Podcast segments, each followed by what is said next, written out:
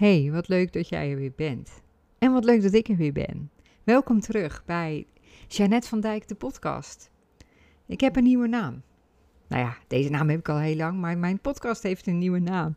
Ik ben ooit begonnen met, en we noemen het storytelling. Toen heb ik de grote ontregelshow gemaakt, met heel veel plezier. Ehm, als je zin hebt, moet je eens een aflevering uh, uh, opzoeken. Ik ben benieuwd wat jij ervan vindt. Daarna zijn er 83 afleveringen verschenen onder de naam Hollands Next Topcoach. Met uh, tips en dingen om nog beter te coachen als coachende ondernemer of ondernemende coach. En nu ben ik maar verder gegaan onder mijn eigen naam.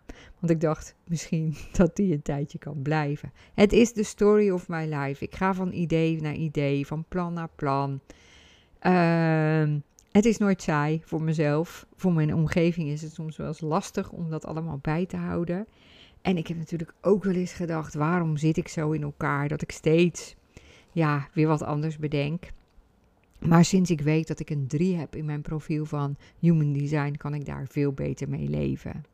Een 3 in Human Design betekent dat je leert door te experimenteren. Dat je leert van uh, vallen en opstaan. Dat dat eigenlijk jouw way of life is. Dat je een ontdekkingsreiziger bent. En ja, sindsdien heb ik eigenlijk uh, toestemming van mezelf om te zijn wie ik altijd al was. En misschien ken je zelf ook iemand met een drie in, in zijn profiel. Of misschien heb je zelf ook een profiel. Ja, je hebt altijd een profiel, maar een drie in je profiel. En herken je wat ik zeg?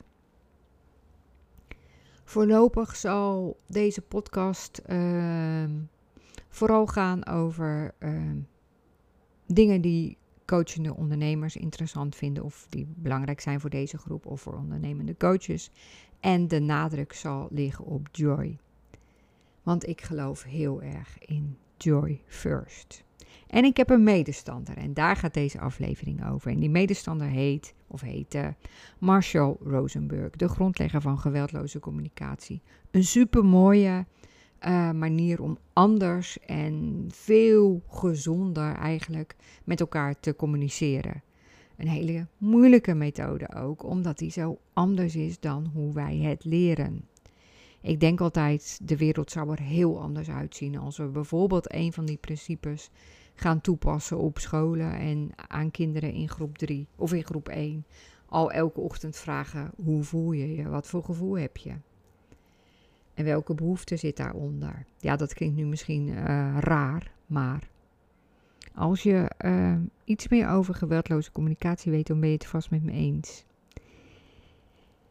Maar goed, uh, het gaat niet over geweldloze communicatie, deze, deze uh, aflevering. Het gaat over een van de principes of een van de uitgangspunten van Marshall Rosenberg, die dus deze manier van communiceren heeft bedacht. En het is: doe niets waar je geen plezier in hebt. En hij zegt zelf al: ja, dat zal vast veel weerstand oproepen. Of mensen denken, ja, dat kan niet. Of dat is vast niet goed als we dat gaan doen. Maar ik geloof heel erg dat het wel goed is als we dat gaan doen. Doen waar je niets doen waar je geen plezier in hebt, betekent dat alle dingen die je doet voortkomen uit het verlangen om je eigen leven of dat van anderen te verrijken. En dat is anders dan de keuzes die we nu vast vaak maken. Dat zijn keuzes uit een soort plichtbesef. We doen het omdat het moet. Of we doen dingen om goedkeuring te krijgen.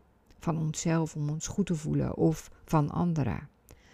Of we doen het voor een beloning, om liefgevonden te worden. Of we doen het voor geld. Of we doen het uit schuldgevoel. Of we doen het om, het, om erbij te horen.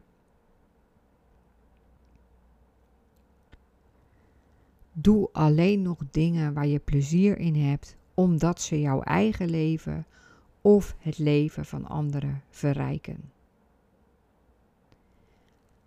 Rosenberg heeft daar ook een oefening voor en die ga ik nu met je delen. Dus je kan uh, hem gelijk gaan doen. Kan je even de aflevering stilzetten. Ik help je erbij een beetje bij. Je kan hem ook later doen, want het is niet heel moeilijk. Dus um, je kan het wel onthouden.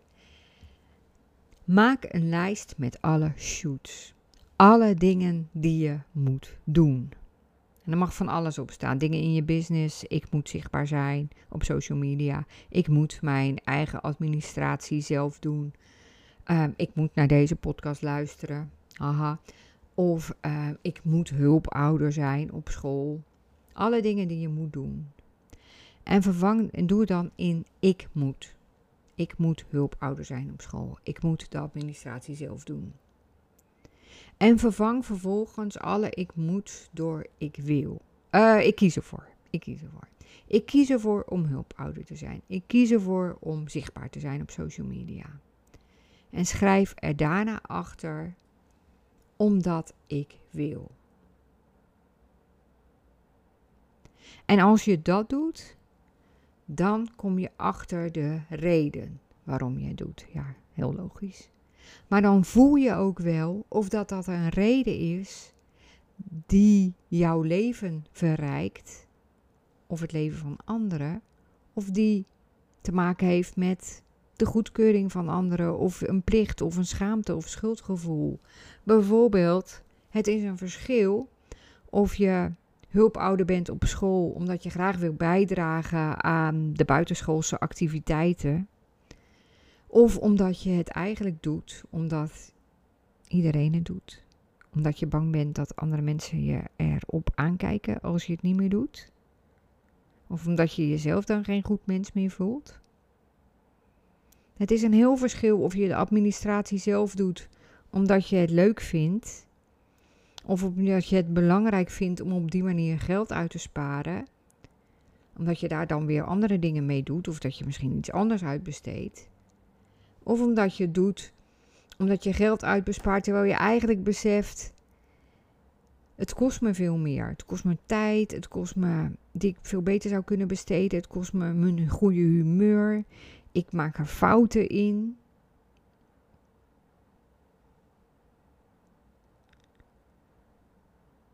Dus je komt erachter of je dingen doet omdat je een goed mens wil zijn, of om schaamte te vermijden, of omdat het allemaal zo hoort.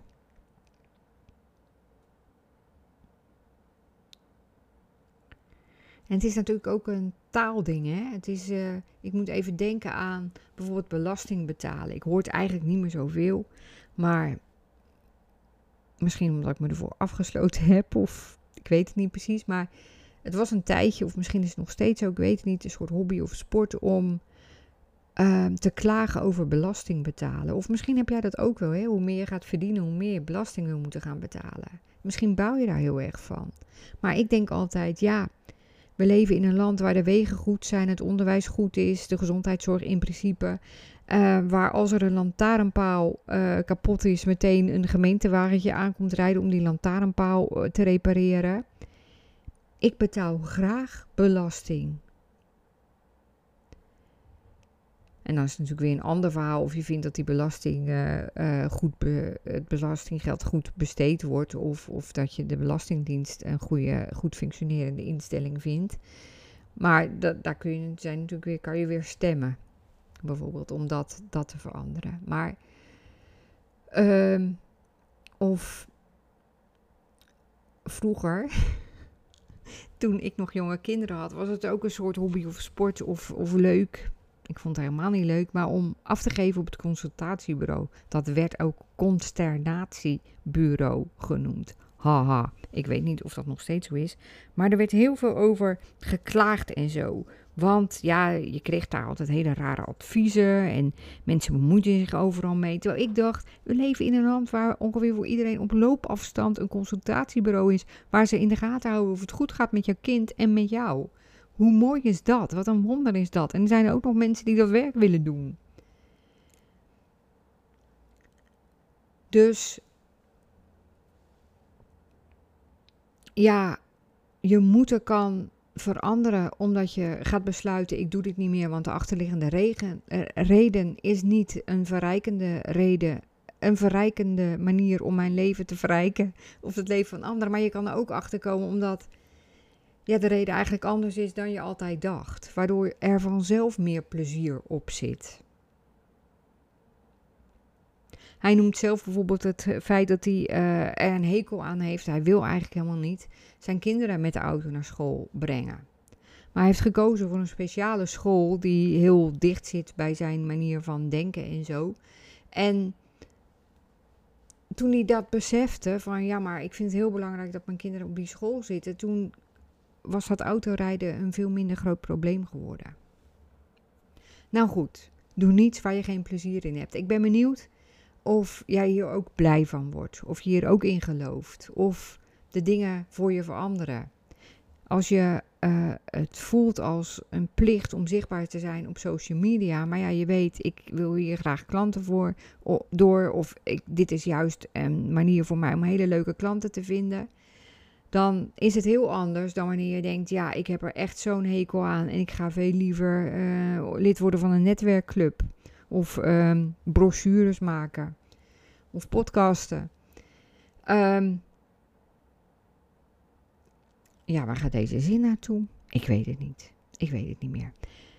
Ik geloof in elk geval heel erg in plezier, vreugde, joy, je eigen leven of dat van andere leven verrijken. En dat is ook het uitgangspunt van mij dat ik gebruik als ik klanten help bij hun onderneming. Joy First heet mijn programma ook. Ik geloof er zo in dat als je een dilemma hebt, een keuze maakt of er iets niet zo, ja, niet zo loopt zoals je wil. Als je dan teruggaat maar naar, naar waar word ik blij van? Wat is mijn echte verlangen? Waar wordt mijn hart warm van? Dat daar altijd de beste oplossing is te vinden. Oké, dit was weer even de eerste aflevering. Wat helemaal niet de eerste aflevering is, maar het voelt toch een beetje zo. Ik vond het heel leuk dat je erbij was en zie je graag snel weer. Uh, in overdrachtelijke zinnen. En veel plezier met alles wat je doet.